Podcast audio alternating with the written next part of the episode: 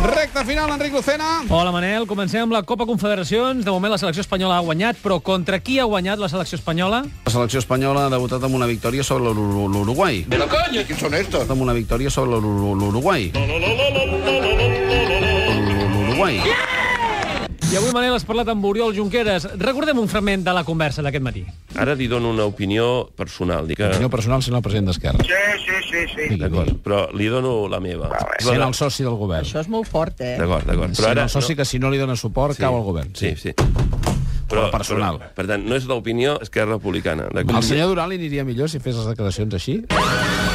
Sí, No ho sé, però jo ara, ara jo, Oriol Junqueras, jo el joc el prohibiria. Ah.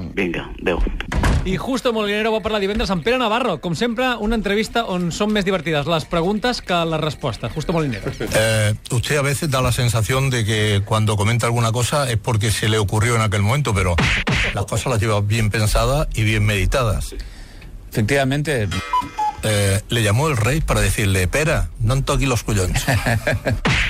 ni me llamó el rey, ni creo que el rey me lo hubiera dicho con estas palabras. Ho deixaríem aquí.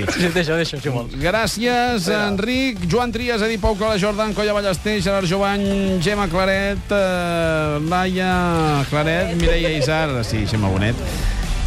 Que l'hem de felicitar. L'hem de felicitar. L'hem de felicitar i molt a la, a la Gemma Bonet. Un aplaudiment per ella i per en Joan Trias, que és el seu aniversari.